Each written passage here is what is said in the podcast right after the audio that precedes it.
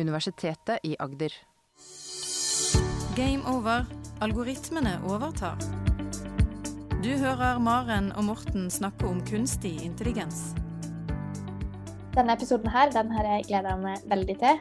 For eh, i dag Morten, skal vi snakke om hvilke rolle kunstig intelligens kan eh, spille i kampen mot covid-19. Eh, det er jo en situasjon som er veldig aktuell nå. For er egentlig kunstig intelligens med i denne kampen i det hele tatt? Og hvor mye?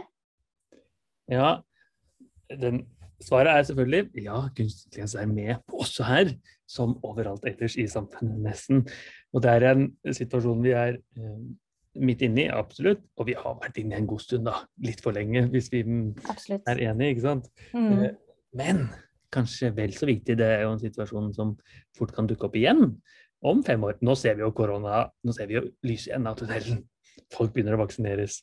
Vi kan begynne snart å klemme hverandre og sånt. ikke sant? Men la oss si det kommer en ny korona om fem år. Hva kan kunstig intelligens virkelig gjøre? Hva gjøres i dag? Og hva kan være muligheten litt, eh, litt frem i tid også? Hva er mm. egentlig der?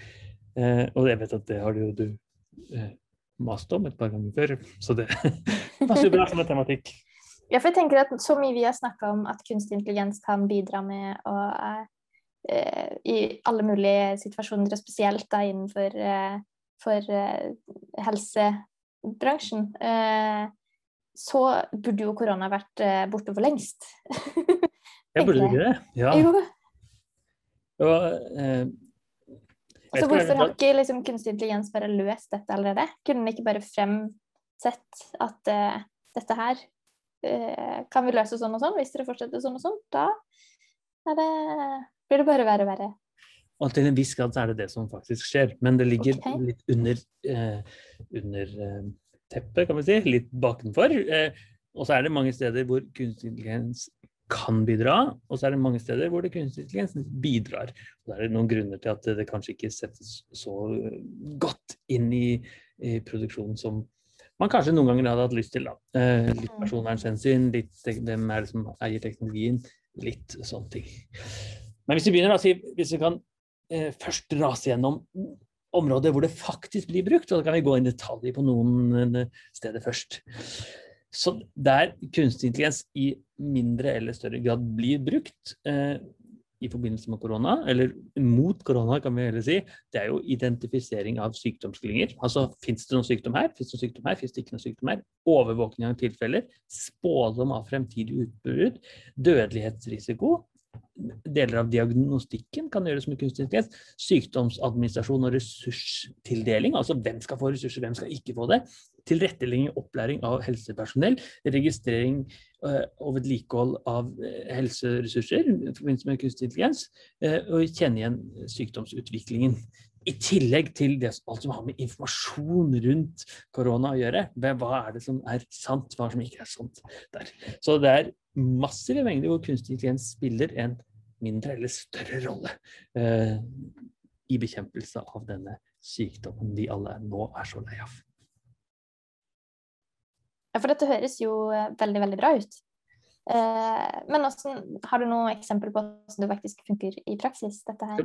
Ja, vi kan grave oss ned i noen felt, tenker jeg. Så en av de er jo eh, prediksjon og sporing. Mm -hmm. og det betyr jo da Eh, kan man finne ut eh, Fins det noen eksempler hvor man kan bruke kunstig intelligens eh, til å hjelpe til med hvor utbruddene skjer?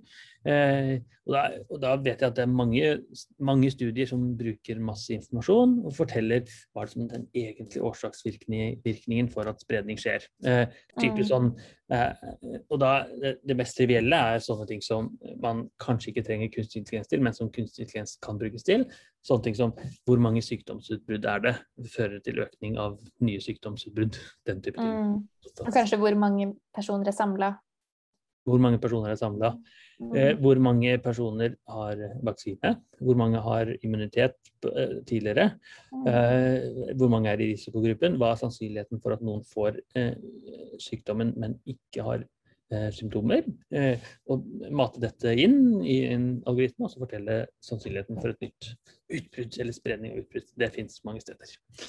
Eh, og, men, men, det kan man gjøre, bruke andre teknikker til også, og det gjør man jo. ikke sant? Eh, og så er det litt sånn usikkerhet fordi man kanskje ikke har all den informasjonen man egentlig vil eh, for å få en sånn perfekt prediksjon. Og så eh, blir det litt vanskeligere i praksis enn det gjøres i en sånn teoretisk sammenheng. Mm. Men det finnes eksempler hvor man henter ut informasjon fra eh, samtaler eh, på internett, eh, sosiale medier eh, og fra sårbare områder, som kan for, også kan forutsi litt om både sykelighet og, ut, og, og prediksjon av hvor ting skjer. Da. Altså hva snakker folk om eh, når det gjelder det. Et kjent eksempel for et par år siden handlet ikke om korona, men handlet om influensa. Eh, Google brukte kunstig intelligens til å predikte predik predikere. Predikere. predikere. Ja. Mange konsonanter i et ord her. Eh, predikere hvor er det neste influensautbruddet skjer, eh, basert på hva folk søkte på. Søker etter hoste, sårhals, den type ting. Det fungerte veldig bra, men det som skjedde var at det var en spiral som skjedde. At folk Det ble predikert utbrudd, og så søkte folk etter mer utbrudd, og så ble det en mer en sånn selvforsterkende system. Nå er det her er det utbrudd der. Å, jeg syns jeg kjenner litt på sårhals for det. Nå snakker jo alle om det rundt omkring. Så man må være litt forsiktig. Ja, ikke sant. Så man ble eh, litt syk eh, bare av tanken, egentlig. Hvis, hvis, man kjenner litt etter nøye, så er det mm. fort gjort at man kjenner ja, kanskje jeg har litt vondt her og der. det er som ser. Eh, så det, det, hadde ikke om korona, men hadde om influensa. Prinsippet er egentlig mm. eh, Men blant et firma som heter Blue Dot, bruker jo, eh, har brukt det i praksis kunstig intelligens eh, for å finne eh, eh, for å forutse utbrudd og geografisk plassering basert på tilgjengelig data som finnes offentlig. Så jeg tror dette er i USA. Og da får man ut det som kalles heatmaps. Altså i dette området er det rødt, i dette området er det gult, i dette området er det grønt. Ja. Kunstig intelligens fungerer veldig, veldig godt. Og så er det selvfølgelig en stor usikkerhet rundt det, som det er med mye av kunstig intelligens. Ikke sant? Eh, og grunnen til at det kanskje ikke brukes la oss si, av norske myndigheter, er at man vil gjerne ha veldig veldig full kontroll mm. på hvor det er rødt og grønt osv. Men det kan brukes, og det brukes i praksis der ute. Hm. Men er det mer eh, Tenker du at det er nøyere det systemet enn det vi har her, med at eh, skoler blir røde og kommuner eh, gule og grønne eller røde eller ja? ja det, er vanskelig for meg å påstå noe i en eller annen retning der. Det handler jo mye mer om at man, eller handler også om at man ønsker kontroll på hva man gjør. Ikke sant? Man vil, ja. Hvis det er eh, hvis en skole blir satt til rød, eh, og det ikke er reelt rød, så skaper mm. man jo en sånn eh, si en, en måte å En feilinformasjonsrunde. Mm. Eh, så eh, det, det, kan godt være at kunstig intelligens er bedre enn det som er ellers, men den har en annen ulempe. Og det er at når den gjør feil, så har man ikke en måte å si dette er grunnen til at jeg er rød på. Eller i hvert fall veldig, veldig, veldig å si det. Og så blir det litt eh, Så blir det eh, vanskelig for folk å stole på det, og så tipper jeg mm. det er noen sosiale grunner til at ja, ja, nå har de enda predikert rød, disse tullingene. Ja. Sånn, vanskelig å forholde seg til. Det er vanskelig å forholde seg til, og fordi man vil være så sikker. ikke sant? Ja. Eh, og, og, Spesielt med tanke på Nå sprer vi vaksiner ut uh, basert på hvor sykdommen er mest voldsom. Mm. Eh, og så er det fornuftig. Og det kunne man brukt kunstig intelligens i. Det er et studie som har gjort akkurat det også. Men eh, hvis jeg ikke får vaksine, mens naboen får det, så vil jeg gjerne vite hvorfor. Mm. Da skal det ikke være en sånn tilfeldig u... Ja, du må, du må ha en eh, god grunn og kunne spore den tilbake. Ja, absolutt. Mm. Eh, et annet sted hvor kunstig intelligens brukes eh, veldig nærliggende der, det er jo det som heter kon kontaktsporing. Og der kjenner vi litt fra den Smittestopp-appen som ja, var der, og så var den borte, og så kom den tilbake igjen. Og, ja, mm. jeg, jeg, har aldri hørt den plinge i min telefon noen gang. Jeg har aldri hørt om at den har plinget hos noen heller. Så jeg bare virker som den egentlig ikke er så veldig eh, på plass. Det fins noen sånne apper som bruker kunstig intelligens og som kan hjelpe sporingen enda bedre. Og, og da, eh, den, En av de heter AI for covid-19. Eh, en app. Facebook og Google har noe lignende, men en av de tingene de gjør, da, de eh, lytter etter eh, hosting De lytter etter eh, sånne ting, og så ser de ja, den hosten der, den burde du undersøke litt nærmere. La den hørtes ikke ut som kols. Den hørtes ikke ja. Eller astma, eller Nettopp. og hvis du da og, kols eller Astma er jo eh, alvorlig, absolutt, eh, men det er ikke sånn som plutselig springer på deg i en smittesituasjon. ikke sant? Dette er noe som kommer over tid. Hvis du plutselig oppdager at du har kols, så kan det hende at du skal koronateste deg likevel. ikke sant? Ja. ja. Sånn er det. Eh, det men det, ja, det ikke, eller, hva er grunnen til at dette ikke brukes i Norge, f.eks.? Det ville jo personvernet ville vært eh, i stykker, tror jeg. For strengt, ja. For, strengt. For det ville jo vært veldig greit hvis man kunne slippe å dra ut og ta en test Eh, på et testsenter, vente på svar og hele den. Hvis man bare kunne hoste litt i telefonen, eller eh, eh, Det kunne være en algoritme som skanna det eh, fordi ja. du åpna munnen og så du hadde sår hals på den, den måten, eller hva som helst sånn, så ville jo det vært en veldig kjekk måte å eh, indikere om du har korona på eller ikke. da. Ja, og da er vi, da er vi over på diagnostikk, og der brukes Der kan eh, kunstig intelligens brukes, og har blitt brukt. Men, eh, men, det som er blitt gjort, er jo ikke ta bilde i halsen, så vidt jeg vet. Eh, men, men, at man sender inn røntgenbilder eller skanning av brystet, lungene. Eh, ja. Og så får man da ut at her er det noe som ikke er som det skal. Mm. Denne lungen er ikke helt på plass. Eh, kunstig intelligens eh, gjør det veldig, veldig bra.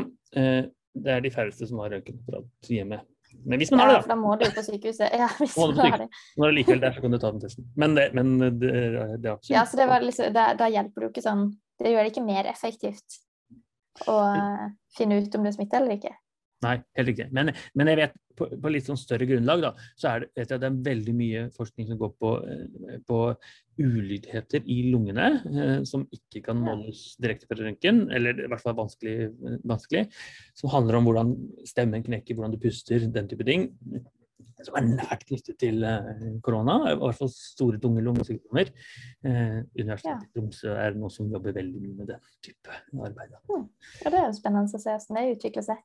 Absolutt. Og, og, ingen grunn til at korona ikke kan hjelpe til der også. Host tre ganger i iPhonen din og få beskjed.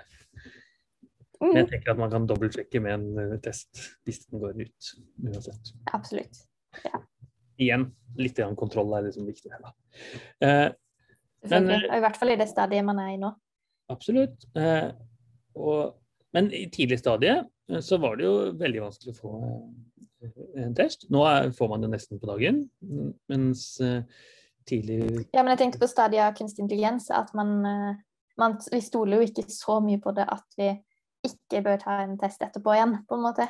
Absolutt. Uh, det er ikke sikkert at det skal være eneste testalternativet, men at det kan være en sånn ekstra sikkerhet. Det kan være en ekstra sikkerhet, absolutt. Ja.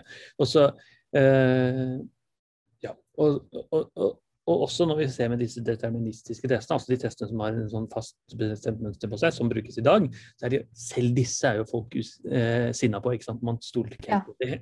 Noen, da. Eh, ja, ja.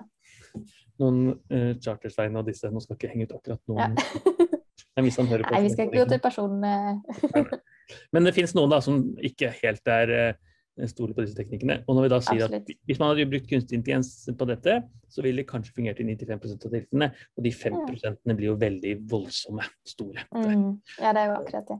Og det er, det er verdt å merke seg i, kunst, i kunstig intelligens-verdenen. Altså. Noen ganger så, vi, eh, så, er 95% ikke bra nok. Mm. Det er sant. Eh, men når det gjelder tilbake til overvåkning, så er det jo eh, Vi snakket om basert på eh, Eh, pustelyder og sånt. Eh, eh, men når det gjelder overvåkning, så er, handler det også om prediksjon av utbrudd og ressurstildeling der. Og der har jeg sett noen sånn teoretiske eksempler, vel å merke, på hvordan ressursene skal fordeles deretter.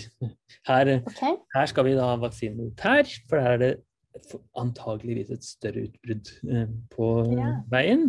Mens her er det ikke nødvendig vaksiner, for det, her har det ikke vært noe smitteutbrudd på veldig lenge. Altså, men, eller vaksine, ventilator, åndedrettsstøtte på intensive, in, intensive mm. og sånt.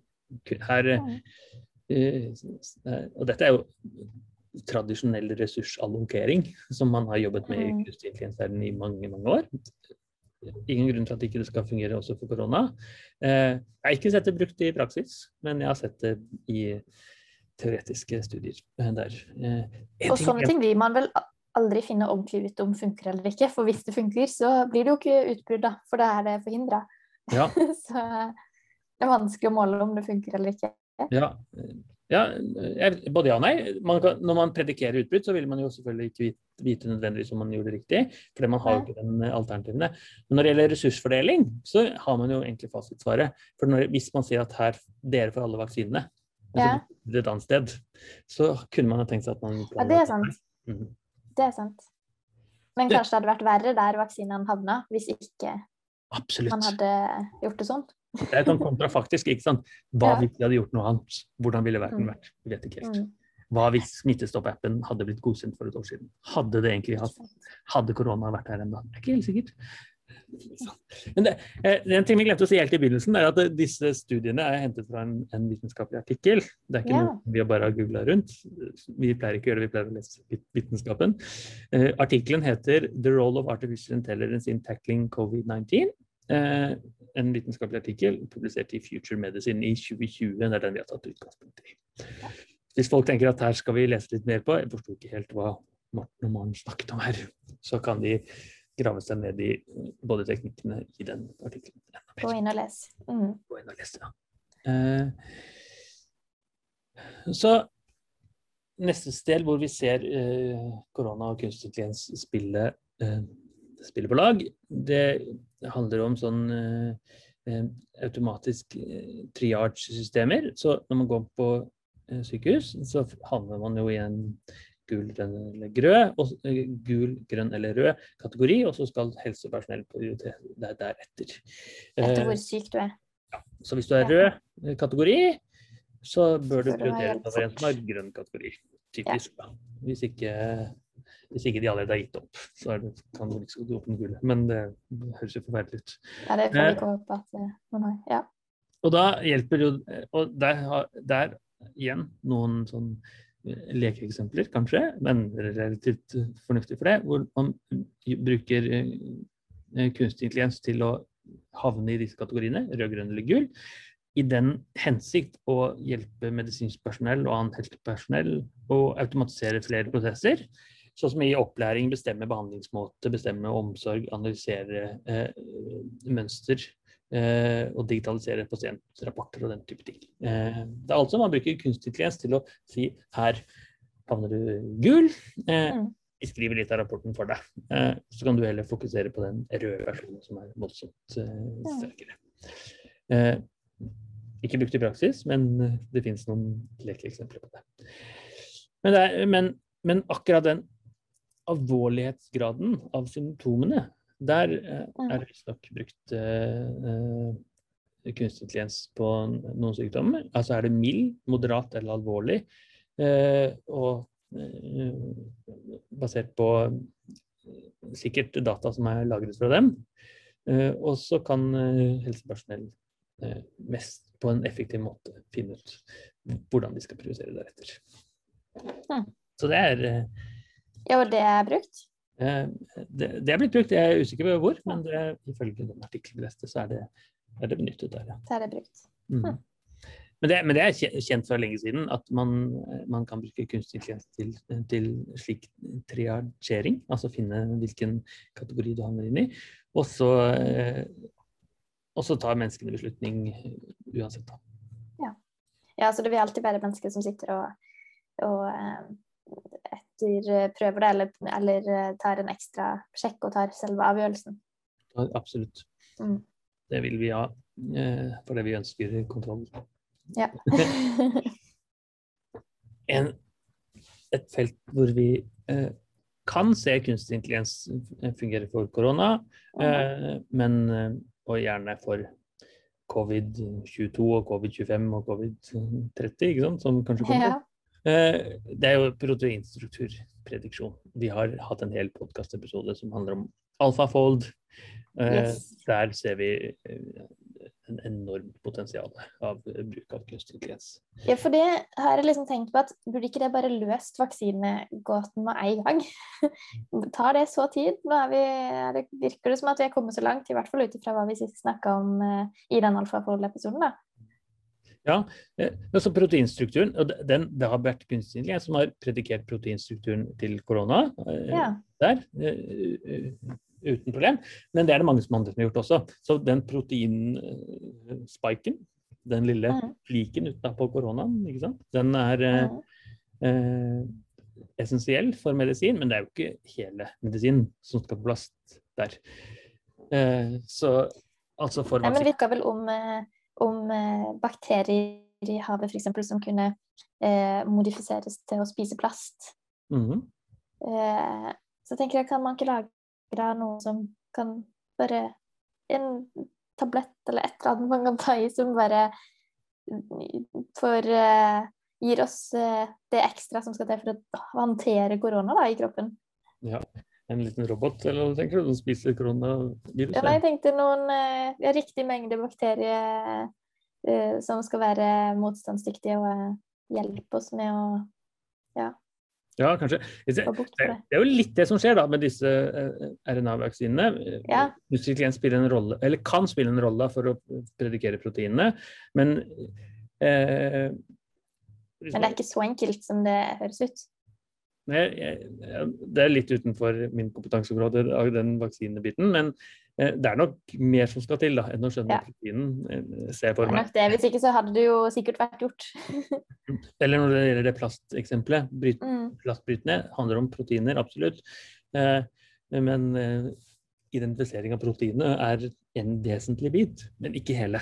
Nei, ok. Nei. Og det, og, igjen, dette er noe vi vet i maskinlæring og kunstig intelligens-verden. Disse spiller sentrale roller i mye utvikling av teknologi. Men sånn utviklingsmessig så er det bare en, en puslespillbrikke i hele puslespillet. Ja. Eller et tannhjul i hele maskineriet. Ja. Som er veldig essensielt. Men bare en bit av det, ikke sant. Så da er proteinene der, og det går jo da på, på vaksinekandidater, ikke sant. Eh, der er det eh, kunstig intelligens, en som heter Ung, ONG, som visstnok har eh, spådd mulige vaksinekandidater for, for korona. Men så var det mange som burde, ikke sant. Også, og så er det gått videre på, på eh, tre eller fire varianter. Jeg er ikke sikker på flere av de. Eh, men det man kan tenke seg litt eh mer relevant der, er jo eh, korona som massive ressurser for å løse. ikke sant? Alle vil være med å løse det, for det skaper store problemer. Men det er nok enda mer sentralt i de sykdommene som ikke, eh, ikke fører til globale pandemier, men som bare mm. noen få har. ikke sant? Som man ikke har ressurser til å sette inn voldsomme store mengder um, legepersonell på. Men mm som allikevel er alvorlig for de som blir rammet. Der kan det kanskje være mer aktuelt å ha kunstig intelligens. Mm. Eh, mens relatert til dette handler jo om eh, klassifisering av eh, covid-19-genomer. Altså finne ut eh, om du faktisk har Eh, finne hvilket gen som eh, representeres i hele den lange strukturen av DNA der. Okay. Som er en som heter Randawa, som har utviklet en eh, metode på det ved hjelp av kunstig intelligens. altså finne ut om du har det, eller har hatt det, eller kan få det, eller Jeg skjønte ikke helt dette. Nei, klassifisere geno... Altså, finne ut uh, genstrukturen til, ja. til sykdommen. Uh, og mm. grunnen til at det er relevant, det er jo at, at det kan brukes igjen som en puslespillbrikke til å risikere bivirkninger, f.eks. Ja. En måte å vite bivirkningen Eller ja, eller effekten er ikke nødvendigvis bivirkende, men også finne ut hva, hvordan er det du egentlig rammes ut av dette her. Ja. Hvordan blir du syk, på en måte? Syk. En måte er å bli syk, finne ut, ikke sant. En andre er å se på genene og se at her føler antakeligvis til dette. Ja. Skal spørre hva, hva er nytten med det? Jo, nytten er å vise at det går an, for det fint å vite. Men, eh, men det er jo, man er jo veldig klar over hvordan man blir syk av korona. Ja. Det er ikke noen som lurer på det. Da kan man spørre noen en måte. Uh, dessverre, kan man jo da enten si.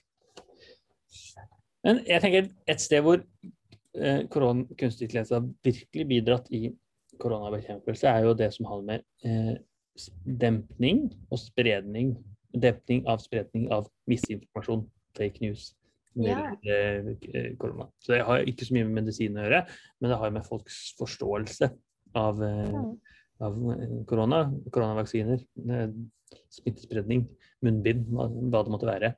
Og der, der brukes kunstig veldig mye i sosiale medier. Fjerne fake news, den type ting. Man ser det, for... betyr at kunstig intelligens hjelper med å gå inn og si at dette her er ikke sant, dette må vi ta bort. Det er helt riktig. Og det, det kan godt hende du har sett det også, men i hvert fall har jeg sett det. Noen av disse tweetene, noen av Facebook-innleggene står det denne informasjonen er uh, is disputed, eller noe sånt står det. Veldig sånn. Oh, nei, det har jeg ikke sett. Nei, da er det, uh, da er det jo antageligvis ikke riktig, det som står der. Mm. Og det betyr at det er en algoritme som er verdt å uh, hooke den av for at den skal være det? Da er det en kunstig intelligens som, som stopper deg. Og hvis du, du kan jo prøve selv, eller lytterne kan prøve. Legg ut en melding hvor det står eh, vaksinen er bare tull. Så blir det automatisk flagget. Fantastisk. Er, og grunnen er jo selvfølgelig at dette ikke stemmer. Kunstig intelligens kan hjelpe å bekjempe det. Og, og det, det, ligner litt på sånn redaksjonell styring. ikke sant? Vi ønsker ikke at den informasjonen skal plukkes ut. Og det er jo der. Så det er jo der eh, Av de, alle de stedene man, vi har nevnt nå, hvor korona, kunstig intelligens hjelper eh, litt til, så er det jo der, der vi har sett det i praktisk bruk mye. Kanskje for det er der kunstig intelligens har vært dominerende i mange tiår tidligere. Ja, de kan jo mye kjappere enn et menneske gå inn og, og se på alt. Det hadde jo ikke vært mulig for, dem, for personer å sitte der og skulle administrere dette. Helt riktig. Eh, og konklusjonen på dagens podkast vil jeg jo si at eh, kunstig intelligens bidrar veldig mye i koronabekjempelse. Eh, noen steder er muligheten enda større. men en, enda viktigere er kanskje for neste, ut, neste mulige utbrudd, så ser vi her er det mye historisk data. Vi kan lære fra det. Eh, enten det er mindre eller større. Neste sykdom kan kunstig intelligens kanskje hjelpe enda mer til, tenker jeg. Mm. Hvis folk har lyst til å lese mer om akkurat dette temaet, så uh, la de google 'The Role of Artificial Intelligence in Tackling COVID-19', publisert i Future Media Future Medicine eh, november 2020. Du hører Maren og Morten snakke om kunstig intelligens. Har du spørsmål til Maren og Morten, send en e-post til gameover.alfakrølluia.no. Universitetet i Agder.